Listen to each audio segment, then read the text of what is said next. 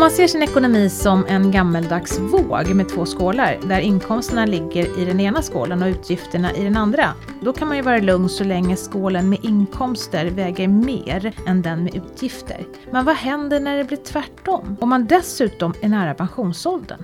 Är det fler som drabbas av det idag än tidigare? Och om vi blickar framåt ännu längre, kommer skulderna inför pensioneringen att bli ännu högre i framtiden? Vad kan man göra åt det för att inte hamna i skuldfällan redan i unga år? Det här är frågor som vi ska prata om idag. Och för några avsnitt sen så hade vi ju Swedbanks och Sparbankernas privatekonom Arturo Arkes med oss här i studion. Och då pratade vi om bolånen som kan hänga kvar inför pensioneringen. Och idag fortsätter vi diskussionen men riktar in oss mer emot konsumtionslånen. Och det gör vi tillsammans med Kronofogden. Välkommen till min pensionspodden Amanda Wargensten Westerström. Tack. Och Anders Lindberg. Tack. Kul att ni kunde komma till oss idag. Det här är vi så nyfikna på att få veta mer om. Ni jobbar på Kronofogden. Vad är det för myndighet och vilka roller har ni där? Ja, vi jobbar ju på Kronofogdens förebyggande sektion. Eh, så vi jobbar ju med eh, information till stor del. Vi försöker nå grupper som eh, riskerar att bli ekonomiskt utsatta på olika sätt. Och vi identifierar också riskgrupperna innan så vi kan rikta kommunikationen på ett bra sätt till de här grupperna. Eh, och vi har lite särskilt fokus på unga, eh, 18 till 25. Mm. Men idag ska vi prata om eh, de, den äldre åldersgruppen. Ja, och unga tänker jag, liksom, för de ska det bli ska gamla börja, en Det dag. ska börja i tid. Ja, det är sant. ja. Precis. Eh, Så det är väl i stora drag det som, som vi gör. Vi är inte så många på Kronofogden men vi försöker verkligen att göra mm, bra ifrån oss med de resurser vi har. Eh, Anders, du, du då, vem är du? Ja, jag jobbar också på samma eh, sektion som Amanda då med förebyggande verksamhet. Sen har jag i övrigt ett ganska långt förflutet i lite annat på Kronofogden också. Det som man kanske mest förknippar oss med, det vill säga att vi driver in pengar. Du kommer knacka på dörren. Eh, det har jag gjort en gång i tiden, ja. Mm. Det har jag också gjort. Du har också gjort det? Ja. Ingår det i utbildningen? att Det kanske det gör. Att man Det är en bra skola att gå kanske. Ja. när man ska Ja, lära sig hur man förståelse. fungerar. Mm. Mm, mm. Då måste jag bara fråga, nu blev jag sådär nyfiken. För det är klart, jag antar att man har, man har en bild av hur det är redan innan man gör det. Förändras den bilden när man så att säga, har gjort det eller inte? Ja, skulle jag säga. Ja. Om jag, får- jag har ju inte alls lika lång erfarenhet som Anders. Men, men jag trodde kanske innan att det skulle vara många, många fler som var arga, Mm. ledsna och liksom utåtagerande. Och sen så jobbade jag med det i åtta år och träffade inte på nästan en enda sån person. Så vet jag inte om jag har haft tur eller om det handlar om eh, ens eget bemötande. Men, men min bild var, eh, det var att det var läskigt. Och sen så visade det sig att det faktiskt bara handlade om människor som hade hamnat i en ekonomisk situation som de inte kunde Mm. reda upp. Och att man egentligen skulle prata och rådgöra mer än vad det var som farligt och läskigt. Så min bild absolut förändrades under tiden jag jobbade som inspektör. Mm. Vad skönt. Ja, jag, kan del, jag delar den bilden. Jag jobbade över 20 år med det Mm. och eh, det är precis som Amanda beskriver. Sen är det naturligtvis hur man själv bemöter eh, de som man jobbar med så att säga. Va? Mm. Det, det är ju väldigt viktigt då. Så, att, eh, så, så känner jag också att det funkar. Livsöden liksom man Ja. möter. Men många säger också att man ska ta kontakt med Kronofogden redan innan Kronofogden tar kontakt med dig. Det är aldrig farligt. Nej. Det blir aldrig, det blir aldrig Nej. sämre. Nej. Det är ett jättebra råd. Ja. Det är som du sa, så kan man sammanfatta det. Är vi svenskar mer skuldsatta idag än tidigare då? Ja, alltså generellt sett så är vi inte det. Eh, Det är inte, det är inte fler och fler som så att säga hamnar hos Kronofogden. Det handlar om runt 400 000 privatpersoner som finns i våra register och så har det sett ut under, under ja, ganska lång tid. Däremot så eh, om det inte blir flera personer så blir skulderna större som vi har att driva in. Varje person som, som hamnar hos oss har alltså ett större skuldberg med sig. Vad beror det på då tror ni? Ja, det är en jättebra fråga. Nu blir det ju eh, kanske lite. Lite spekulationer från, Mm. från vår sida. Men, men vi tror ju att det är en kombination av eh, ja, konsumtionssamhället det vi lever i. Eh, möjligheten, till, möjligheten till högkostnadskrediter, alltså ta SM, så kallade sms-lån. Eh, möjligheten till kredit, avbetalningar av olika slag. Det går väldigt snabbt att shoppa. Det, det är nästan framställs i media att man ska shoppa för att Mm. kunna vara lycklig. Mm. Ehm, och det, jag är inte någon, liksom någon medieforskare så, men det är liksom det som de unga tar del av och blir influerade av som också spelar roll för. Och sen tror jag det är synen på pengar lite generellt också, att man, eh, ja klassiskt så i alla fall att de äldre generationerna sparar och håller i pengarna och Eh, många yngre vet inte riktigt vad som, pengar är någonting lite mer abstrakt och man vet inte vad som händer. Och jag tar det där problemet sen. Mm. Det tror jag spelar väldigt stor roll. Vi hade ju Magnus här från Lyxfällan. Mm. Eh, han är inne på precis samma sak och han Mm. sa att de unga har så bråttom. Mm. Det, man bestämmer sig för att nu ska jag ha en soffa och då har man den imorgon. Det är inte så att man liksom sparar till den utan allt nu var hans analys Mm. som han Ja. tyckte hade sett liksom en tydlig förändring. Det handlar nog om, om attityder och mycket av kunskap också kan jag tänka mig. Eh, man, man vet inte riktigt vad konsekvensen blir om man nu inte kan betala när den dagen kommer. Och den dagen kommer kanske många gånger ganska fort. 30 dagar typ sådär. Och sen det som Amanda var inne på, eh, att det är så otroligt lätt att Ja. ta en kredit. Ja. Du kan ju sitta var som helst, när som helst med en mobiltelefon eh, och, och handla för pengar du inte har. Det, är- det är också en, en viktig faktor då som Amanda var inne på. Jag tänker det finns ju många sådana här kreditbolag som köper upp skulder liksom och så hjälper till att vara betalningslänken emellan företaget och, och individen då. Har de ställt till eller ställer de till det mycket tycker ni? Eller är det de här sms-lånen som är värst? Det är svårt att säga eh, vad, som, vad som är värst eller inte. Det är väl en, en, en rätt generell företeelse här där det finns många aktörer Det byggs på. inblandade. Ja. Va? Eh, så att det, det är svårt att... Men Vi- sen vi kan man väl spekulera i lite det här med att man skjuter upp betalningar. Alltså att man får ett betalningsalternativ som är Mhm. köp Ja. den här varan nu. Ja. Jag tror att just går det. man bara till sig själv så är det väldigt lätt att bli så lockad. Att vill man ha någonting och så Mm. kanske man Ja men jag vill ha det nu och, och det, det där tar jag sen, det tråkiga med betalningen. Jag, jag kanske, och, och det blir ju särskilt svårt för de som har inkomster som är eh, varierande. Alltså Ja. man jobbar timanställd eller man är lite yngre. Man, har man en stabil inkomst så är det ju sällan ett problem. Ja, det är sant. En kombination av det också. Mm. Mm. Nej, vi får ju se, det är ju eh, faktiskt en möjlighet också. För må- många klarar ju av Ja. att, att handla på kredit på de villkor som ges. Så att eh, det är ju en annan... Ja, men det, det är en möjlighet. Ja, men det, det, Det är en ett- möjlighet, en annan- ja. ja, men man Ja. kan, ja, men det är klart man kan Ja, se det. Det ja. handlar i grund och botten om hur vi är som personer antar jag också. Precis. Ja. Och att Så vi det. kanske bara Ja. träffar de som inte kan Ja. betala. Man får inte glömma det Ja, men det är nej. det vi jobbar med. Så. För många andra kan det vara liksom en, precis. Man kan tänja En- lite. en- Kreditkort ja, har ju sina absolut. fördelar att man behöver ju inte liksom betala allting Nej. för den 25. Så är det. Det går ju att... Även om man kan så, så kanske man känner ibland att det är... Man kanske inte vill lägga ut sina kontouppgifter på nätet till exempel. Och då är det lätt att köra Ja. via en sån Ja. betaltjänst Ja. då, känner jag i alla fall. Så är det. Det kan vara bra att föra över en, en kostnad till en annan månad eller någonting sånt Mm. där om man har lite mycket just Men någonting som ändå är värt att nämna är väl eh, de här betalnings... eh, För, eller för, företagen som administrerar de här betalningarna har ju nu, i alla fall ett av företagen, tagit bort det här med eh, att man betalar sen. Att det faktiskt dras direkt från bankkortet. Just det. Mm. Eh, Och sen varför eller var påtryckningarna kommer ifrån, det vet jag inte. Men jag är väldigt glad över det. Jaha, det är inte ni. Nej, Jag trodde faktiskt att ni var inblandade det. jag tror inte vi kan ta åt oss äran, men Nej, jag nej, kan bara nej. säga för egen del att jag tycker det är jättebra. Ja. Men eh, nu är vi inne på unga människor eh, och det har ju pratats om ganska ofta och det är så att säga en ny målgrupp som dessutom inte- egentligen inte har någonting att jämföra med för att de liksom är ju nya konsumenter. Mm. Men hur är det med de som är lite äldre då, som närmar sig pensionen, som kanske inte riktigt där än, som inte har gått, men, men ser man nå- kan man se någonting här? Finns det en ökad risk för att skuldsätta sig även i det, hos dem? Ja, alltså vi har ju fått lite hjälp att titta på, på den här åldersgruppen få, från vår analysavdelning. Och det som ändå går att se är ju att, att det finns vissa oroande tendenser. Eh, bland annat eh, i åldersgruppen de som är 80 år och äldre, alltså ganska så gamla. Oh. Så är det ganska många som får sin, sin eh, första skuld. Mm, Eh, det kan vara ganska små skulder, det kan vara en, ja, inte tv-avgift längre då, men Nej, det kunde nej, vara det förut. Det var det förut, ja. Eh, Mm. Eller till exempel om man missar ett eh, läkarbesök, ni vet man får ett sånt från vårdcentralen att man är utebliven. Okej. Ja. Ja. Ett besök som man uteblivit ifrån Ja. så måste man betala. Det kan så börja så.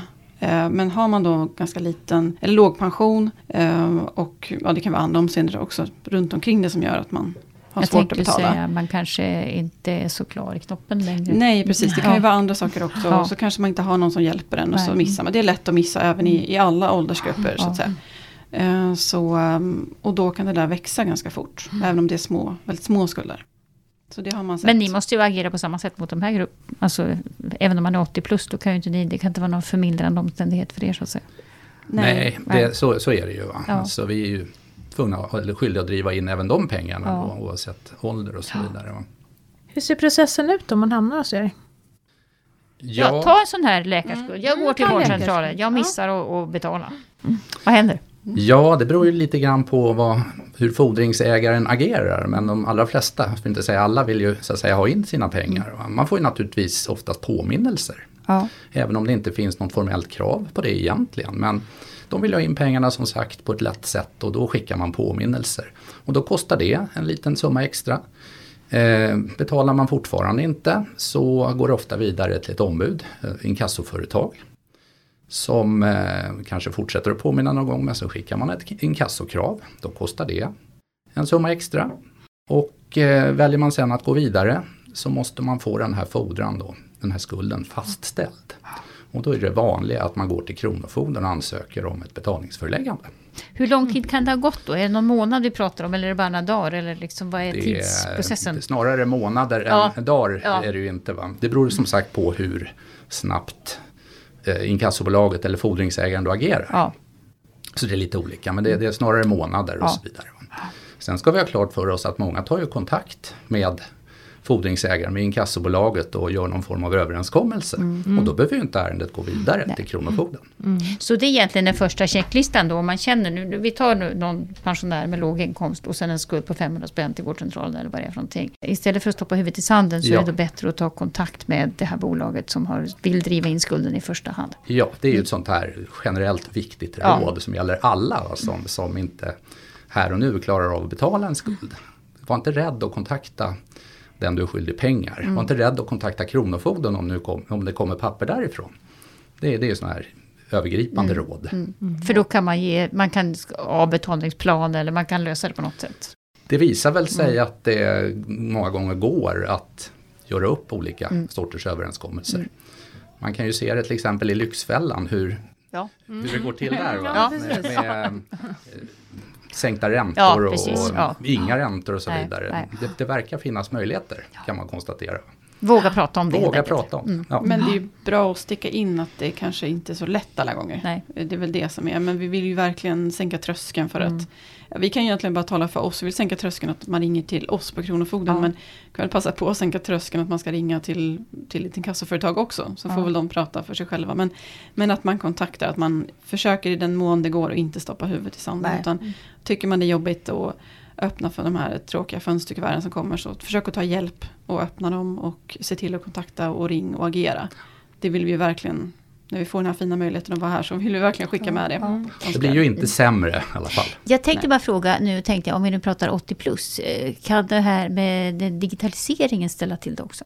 Att man har fått, alltså man får besked digitalt som man inte riktigt förstår vad det är. Det kan det säkert, Säkert. göra. Men det har ni ingen Eh, upplevelse Vi har av? ingen, Nej. ingen upplevelse eller Nej. uppfattning om det. Men Nej. det, det är bara spek spekulation då. Att det, det spelar säkert in också då. Att man inte kanske heller är i stånd rent allmänt att ta Nej. hand om sin ekonomi. Nej. Man har inget nätverk. Man har ingen som så att säga är där och hjälper till.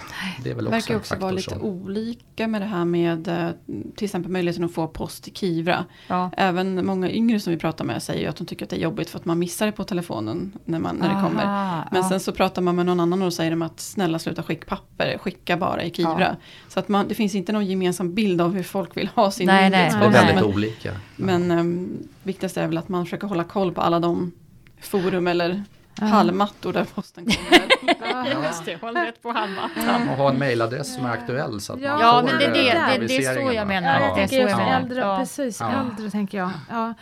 För jag ser det, min svärfar börjar bli, några, ja, till åren kommer nu och eh, ja, det är inte lätt alltså. Nej. Han har inget bank-id så att han har ingen Kivra och så en e-postadressen funkar säkert fortfarande men han har ingen dator kvar. Så skickar man e-postfakturor så kommer de liksom inte fram. Det, Det känns ju också, alltså det vet jag inte heller, nu är jag också lite grann ute och killgissar, men, men eh, det är ju inte heller så att man pratar om sin ekonomi. Vi gör ju inte det så mycket här. Nej, det är lite Eh, skämmigt sådär Ja, också. och lite Ja. låg pension och hur Mm. ska det gå och jag har Mm. inte råd att betala. Det är ju inte någonting man går ut och pratar med barnen om menar jag. Det Egentligen. är, nej, det, det är helt sant. Va? Det är nog lättare för många att prata om sin ohälsa rent allmänt Ja. än sin eh, ekonomi som inte funkar. Va? Så är det. Hur ska vi lösa det då? Knäckfråga. Ja, alltså, i olika sammanhang som vi gör här nu, prata Ja, om det. Va? ja. Så att det når Upplysa. fler. Att det, det är inte... det kanske inte är så farligt alla gånger. Kan man tänka det, sig va? den andra vägen också? Att barn kanske ska våga prata med Ja. sina föräldrar. Att hur har du det egentligen ekonomiskt? Absolut, så, Ja. så är det. Våga fråga hur mår din ekonomi? Ja, just det. Mm. Ja, Det är en bra fråga. ja. Så kan man lägga det lite utanför om man tycker att det blir för privat eller för Mm. Ja, man inte vill klampa in och för det kan ju ändå, det ändå liksom, det kallas ju privatekonomi av en anledning. Det är ju något som är lite, kanske man vill sköta själv och man kanske alltid har haft förmågan att sköta det själv. Så är det ju också lite jobbigt att inse att man inte har det. ja. Det, Nej, men det, det kan ju handla att man, man som anhörig då, eller närstående ser de här kuverten och så vidare. Då är det väl bra om man kanske ja. ställer en fråga Ja, i alla fall. ja. Om jag kan hjälpa till på något sätt. Va? Vad, det, ja, vad det är som har gått fel helt enkelt. Och kanske att jag som äldre någonstans också ska förstå att eh, någon gång i livet eh, är det kanske bra att jag så att säga, blandar in barnen Ja. i min ekonomi så att vi har klara kort oss emellan. Precis. kan Det vara sitter ett- nog långt in där. Ja, jag tror, ja, men det är därför jag, Det jag gör det säger det. för Men, nej, men jag, jag tror det. Så att det Ja. gäller ju liksom att, att förstå. Man Mm. måste ju förstå själv att jag kommer inte bli yngre. Nej. Nej. Men det finns ju också en, en, ett bra sätt att börja. Man kan ju börja med att säga att vi, jag förstår att det här är väldigt jobbigt att prata om. Men jag tänkte ändå fråga. Alltså, Ja. Jag vill ändå skicka med det som gammal socionom, eller gammal men. Ja, eh, ja, att man ja. liksom kan börja med att säga att det är många andra som också känner så här. Ja. Så man kan avdramatisera lite, att det är lite jobbigt att prata om pengar. Men Mm. jag, jag känner att jag ändå måste fråga och du får säga till om du tycker det är, att jag klampar in på ditt privatliv. Man kan ju liksom Mm. ha sådana fraser klara för Mm. att då kanske personen blir lite sådär, ja okej jag kanske kan dela med mig ändå för det finns en vits med det. Visst, Ja. som allt som är jobbigt handlar det om att lägga fram det på rätt sätt. Mm. Så att det liksom eh, får en effekt. Mm. Eh, ni sa ju då inledningsvis att det var, ni har 400 000 kunder, kan man säga? Det kan man väl säga. Ja. Är det någon grupp som sticker ut mer än någon annan? Ja, alltså de allra flesta, om vi talar om åldrar då. Det handlar inte om unga, det handlar inte om äldre utan det handlar om däremellan höll jag på att säga. Då. Jaha, Alltså ja, ja. mellan Ja. 35 och 54 är väl den stora, Jaha. stora kategorin. Men vi brukar väl eh, säga det att vi konstaterar att man brukar väl debutera då hos Kronofogden. Hur gammal är man då? Ja, man inte 20 kanske i allmänhet utan snarare uppåt 40 eller säg mellan 35 och 40 någonstans är nog de för- flesta som kommer in första gången med första skulden. Hur Du har kommer ju- det bli för dem när de blir gamla då? Vad tror Ja, ni? det kan har, man har undra. de hunnit liksom beta av de här skulderna då eller vad kommer att ha hänt? Ja, det är eh, svårt, att, svårt att säga. Det är nog olika naturligtvis det där. beror på Va? vad det är för skulder man har på, också. ja. Ja, det gör det. Om man sitter och betalar skulder med hög ränta så är det många som, det vet säkert Anders också, men det är många när man, man pratar med på telefon som är de undrar lite grann, har, det liksom, har, har min skuld minskat? Ja. Och så måste man säga, ja inte så mycket som du hade hoppats på tror jag. Jag är ledsen att säga men du har nog inte ens kommit ner till liksom vad kapitalskulden var från början. Det säger man kanske inte. Men, Nej. men det beror alldeles på vad man har tagit för lån. Och har, har man då tagit lån med väldigt hög ränta så det är klart då tickar det iväg ganska, och blir höga summor väldigt fort. Ah, Och så sitter man och betalar ränta och ränta. Och det är samma för den äldre åldersgruppen kan jag flika in också. Och då 65 kommer ju det här med vad heter det, skuldavskrivningar och grejer. Eh, Att man kan få hjälp. Hur, hur funkar det och när kan man få hjälp?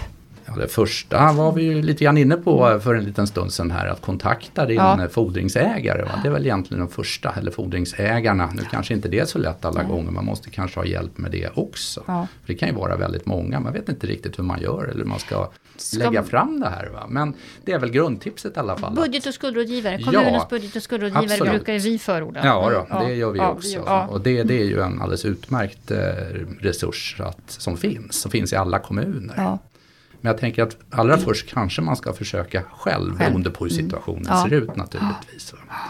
Men annars som sagt, då är det ju budget och skuldrådgivare som, som är väl rätt naturligt då att ta kontakt med. Nej, för när jag har, lyssnat på er kollega Annika, Ja, så, som också har jobbat med det här, så har vi ju pr- pratat om också alltså, när man hamnar i det här. Oftast är det ju livskriser och sånt, eller Oh ja. kanske psykisk ohälsa som Ja. gör att man hamnar här överhuvudtaget. Och det är klart, då kanske är man inte så klämkäck som man ringer runt till sina fordringsägare. Då kanske man behöver hjälp. absolut. Det är ju ett jättestort dilemma. Och, och då är det ju jättebra om man, om man kan ta det steget i alla Mm. fall. Att, eh, att man vet att det finns och att, man, att man orkar och vågar så att säga. Där. Ja, och de är ju så att säga lite mer så att säga på din sida Ja. kan man ju tycka. Ja. Då. De, de är ju bara din kompis. De Så har inget intresse av att mäta ut dig imorgon. Nej, de Nej. kan ju Nej. företräda en på ett annat sätt. Ja, absolut. har man ju sett att de personer som tar hjälp av en budget och skuldgivare har väl kanske större chanser att få igenom sin ansökan om skuldsanering för att Ja. den är ofta lite mer gedigen i jorden. Att man Mm. kanske slarvar iväg det för att man bara vill så gärna ha en lösning på det. Nej, just det. Men eh, om vi nu går in på skuldsanering först. Alltså hur många är det som överhuvudtaget får skuldsanering? Eh, vad, är liksom, vad är oddsen för att få det? Alltså ja, vi Vet ju, nu Mm. vet vi ju lite om de, de, eh, den äldre åldersgruppen. Ja, som kom, men just det. Ja. generellt har jag tyvärr ingen siffra på Nej, många men, men om vi pratar om de här äldre, för det är ju egentligen de vi pratar om. Även om det blir så spännande Ja. att Mm, prata om andra också. Ja. Mm. Ja. Ja, nej, men man kan, väl, se- eller man kan väl säga generellt, det finns ganska nya siffror på nu i Ja. alla fall. Vi har ju eh, cirka 46 000 gäldenärer som är över 65. Mm. Och av dem så är det bara 2400 som har beviljats skuldsanering. Mm. Så det är en ganska liten andel ändå. Ja. Och eh, vår analysavdelning har ju kikat på det och de, deras slutsats är i alla fall att det finns en hel del äldre eh, pensionärer som skulle kunna få skuldsanering om de visste att möjligheten fanns. Okej, Alltså- ja, ja. Mm, Alltså, Mm. Det betyder då att man ska ha eh, väldigt stora skulder och väldigt liten förmåga att betala. Ja. Man Mm. säger lite enkelt. ja. Men många pensionärer har ju ganska liten förmåga att betala. Ja, Mm.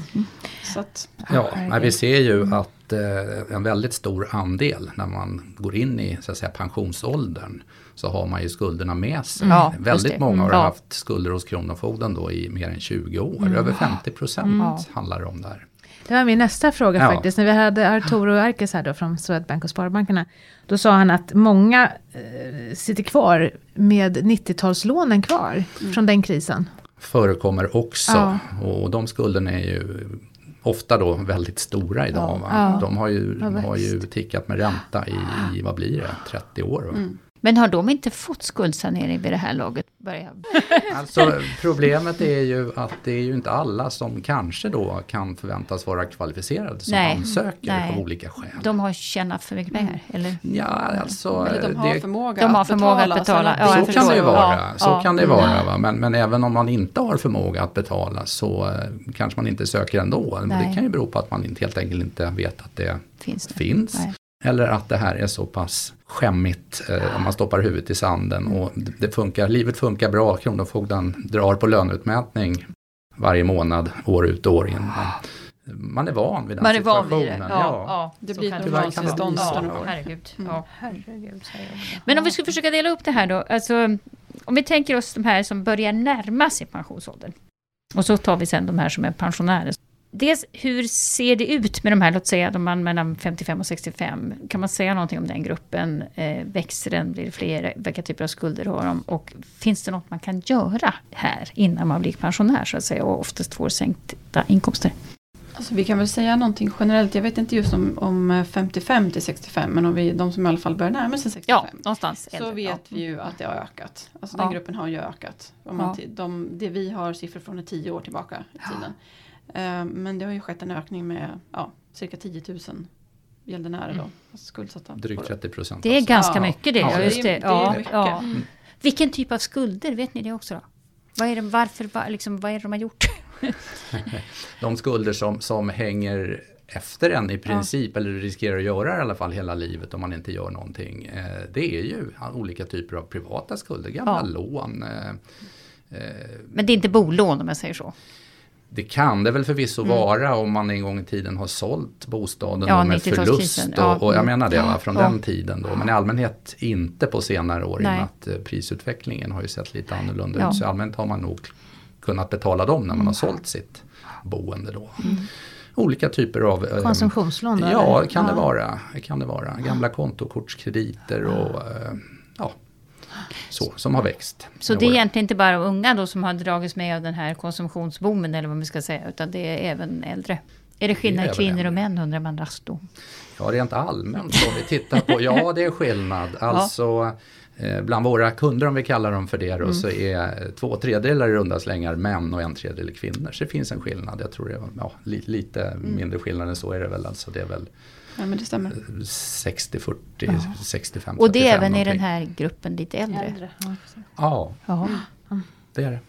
För då, för rask mina fördomar kraschade här nu, för jag trodde det var tanter som hade förköpt sig på Ellos, men... så var det inte! Nej, så är det väl inte Nej. riktigt. Sen har du ju en, en annan kategori, är ju, och det är väl oftast män som har drivit någon form av näringsverksamhet. Ja?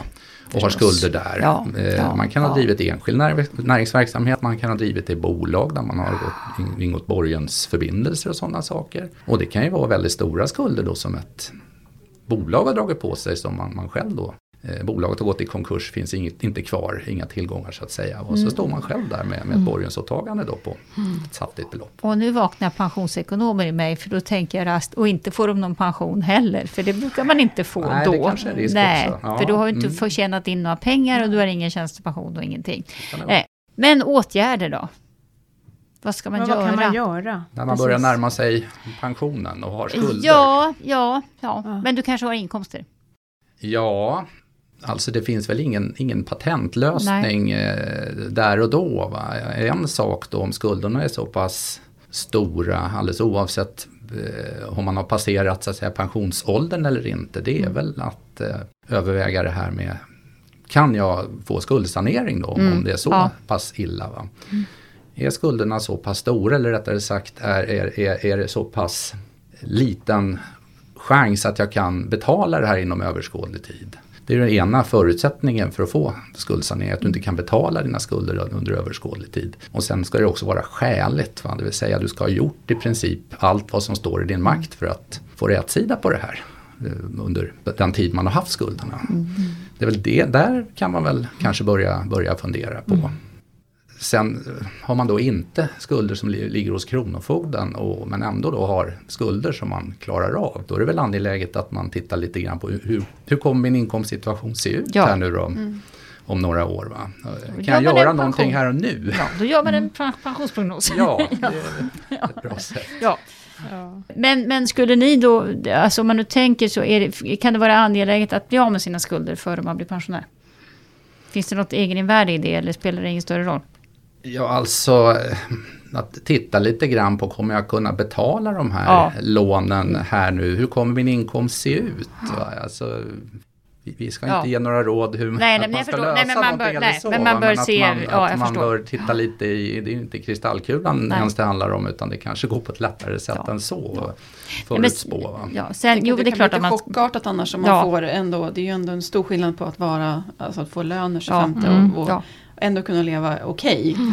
Och, och så får det så drastiskt minskat som det innebär att, Ja. som vissa som, som vi läste på också om pensionärer i Sverige som lever ganska nära fattigdomsgränsen Ja, absolut. som Mm. verkligen Förr sa man att de får åt kattmat men jag har förstått som att kattmat är ganska dyrt. Ja, det är Så ganska att dyrt. Det så blir det- snarare Ja. nudlar eller havregrynsgröt. Ja, ja. Det Ja. Så är det. Nej, men och vi brukar ju i den här podden prata om att eh, man ska tänka på ändå att så länge man inte plockar ut sin pension, så åtminstone den allmänna pensionen och tjänstepensionerna, så är de inte- alltså inte utmätningsbara. De ligger där, pengarna finns kvar där som liksom en, en buffert för Mm. framtida liv. Eh, men om man då går in med stora skulder eh, och börjar plocka ut sin pension så går det ju mäta ut även pension, eller hur? Så är det Ja. och ligger man då på löneutmätning, man har en anställning innan så, så går ju den över då fast man utmäter ur en annan källa så att säga, Ja, ur pensionen då istället. Så att eh, det blir ju egentligen oförändrat läge och många gånger kanske att det inte går att utmäta så mycket som man har Nej, kunnat då är det. när man var anställd. Va? Nej. Så att det gör ju att skulderna då, om de någonsin kommer att betalas så kommer det i alla fall att ta längre tid då i så fall.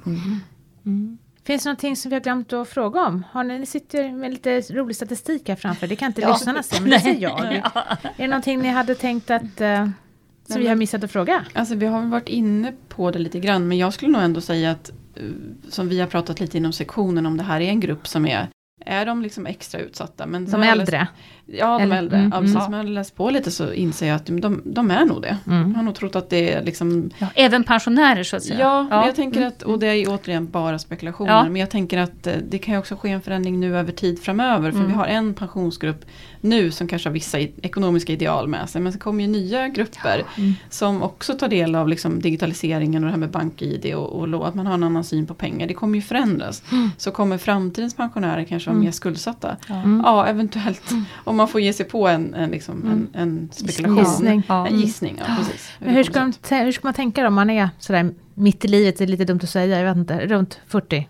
Ja, men alltså, 45. det riskerar att låta så otroligt torrt när vi Ja. säger det. Men det är ju också så här, man ska ju inte köpa saker för pengar man inte har. Nej. Nej, Det, alltså, nej. det kommer inte vara roligare att Nej. betala det om tre månader. Nej. Det är inget kul att köpa en soffa som... Det är nästan Som- tråkigare då faktiskt att Ja. betala tillbaka på något jag, som jag, man jag tror inte suttit i. Det är väl mänsklig psykologi lite det här med impulskontroll också ibland när, det, när man vill köpa fina saker. Men jag, jag tror det är ett bra råd ändå. Alltså att tänka över, gör inte bara en pensionsprognos, gör en Nej. prognos över ditt liv även om du är Ja. 35. Vad En kommer hända om fyra månader? Jag kanske Ja. blir sjukskriven. Ja. Eller jag kanske separerar och ska ta hand om det här själv. Eller om man har barn och det kostar pengar. Man ska liksom vara lite ekonomiskt smart och försöka stå emot att man måste handla för att vara lycklig. Jag tror, att, det är, jag tror att det är viktigt. Och spara liksom till det man vill Mm. handla. Man behöver inte ha det där man önskar sig allra mest imorgon. Nej. redan. Nej. Där får Och, man in, liksom och inte skämmas. Och inte skämmas för att man inte Nej. köper det senaste. Nej. Jag tror, alltså den här Ja. hetsen som Den, är, ja, den det, är alltså, jobbig det, alltså. Lyxfällan när han var här, han pratade mycket om det där. Det var ganska spännande. Att den här, Ja. alltså, och det är bara psykologi.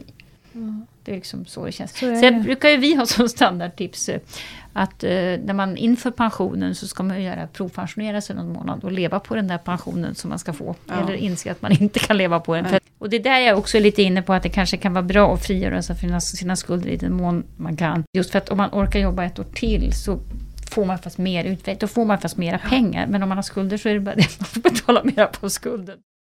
Ska vi sammanfatta det här som att, ja men ni är ändå lite oroliga att Mm. eh, det finns, det ser ni att skulderna ökar hos den här gruppen som så att säga närmar sig pensionen. Och eh, som vi har pratat om som sagt flera gånger förut, att det, det är en annan syn på livet. Vi brukar också prata om kvinnor som, som tidigare då blev nästan glada när de blev pensionärer för de fick de mer pengar än vad de någonsin hade haft förut för de fick liksom egna pengar. Men så är det ju inte längre. Utan, utan nästan alla får ju mindre pengar än tidigare när man blir pensionär och det kanske är det som är det svåra här, Mm. att man måste förstå det. Mm. Ja, men vi är lite oroliga men vi ska försöka hålla lite extra fokus på Ja. den här gruppen också. Eh, och se hur det utvecklar sig Mm. över tid. Tack för att ni kom hit idag. Tack så Tack jättemycket. Det var mycket. Ja. intressant samtal. Tack samma. Tack. Och lärorikt. Och lärorikt. Ja.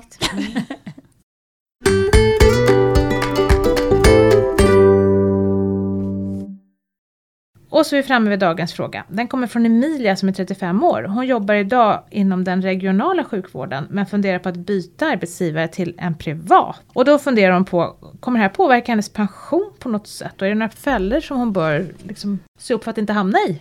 Ja, det som händer när man byter arbetsgivare, det är ju egentligen att den allmänna pensionen spelar ju ingen roll för att eh, den bygger på att man deklarerar inkomst. Förhoppningsvis får hon lite högre lön, vilket ju innebär att hon faktiskt får mer pension där. Men om man byter arbetsgivare eh, så får man nästan alltid en, en ny, i alla fall en ny tjänstepensionsförsäkring. Alltså även om du är i samma avtal. Och nu är det faktiskt så att hon ska byta från offentlig sektor till privat sektor. Och då kommer hon definitivt att byta kollektivavtal. Och det är inte ens säkert att hon får en tjänstepension. Och det är väl det viktigaste av allt här. Så att hon bör definitivt kolla med sin arbetsgivare innan hon skriver på. Vad har det för tjänstepensionsavtal här? Hur ser det ut? Och liksom lirar det med det jag, vad jag tidigare har haft. Så att det är väl den, den absolut största fällan. Kan, och så, så att läs på. Jag brukar alltid säga att man ska kunna sin egen bostadskombination här. Man ska veta vad är det för tjänstepensionsavtal jag har. Och man ska förstå att när jag byter jobb så måste det alltid säga en pling i skallen. Vad, även om det kanske är så att hade hon bytt till, samma, till en annan region, bara flyttat då, liksom, då hade hon haft samma tjänstepension med en ny försäkring. Men, men nu är det extra viktigt att hon kollar tjänstepension. Så våga fråga Emilia. Absolut. Mm. Mm, var bra tips. Och det var allt för oss idag. Tack för att du har lyssnat. I dagens program deltog Amanda Wargensten Westerström och Anders Lindberg från Kronofogden tillsammans med Kristina Kamp och jag själv, Maria Eklund från Min Pension. Och Min Pensionspodden produceras av Min Pension som är en oberoende tjänst i samarbete mellan staten och pensionsbolagen. Och på Min Pension får du bättre koll på dina pensioner. Ge oss gärna förslag på saker som du vill att vi ska ta upp i kommande avsnitt och ställ en fråga om du vill att Kristina besvarar den i dagens fråga. Maila oss på poddatminpension.se. Nya avsnitt släpper vi varannan fredag och är du sugen på att lyssna på fler avsnitt redan nu, ja då hittar du Min Pensionspodden i kanaler där poddar finns. Sök bara på Min Pensionspodden. Du kan också lyssna på podden via länkar faktiskt på minpension.se, alltså på vår hemsida. Jag hoppas att vi snart hörs igen. Ta hand om dig och din pension till dess. Ha det så bra. Hej! Hej då! Hej då.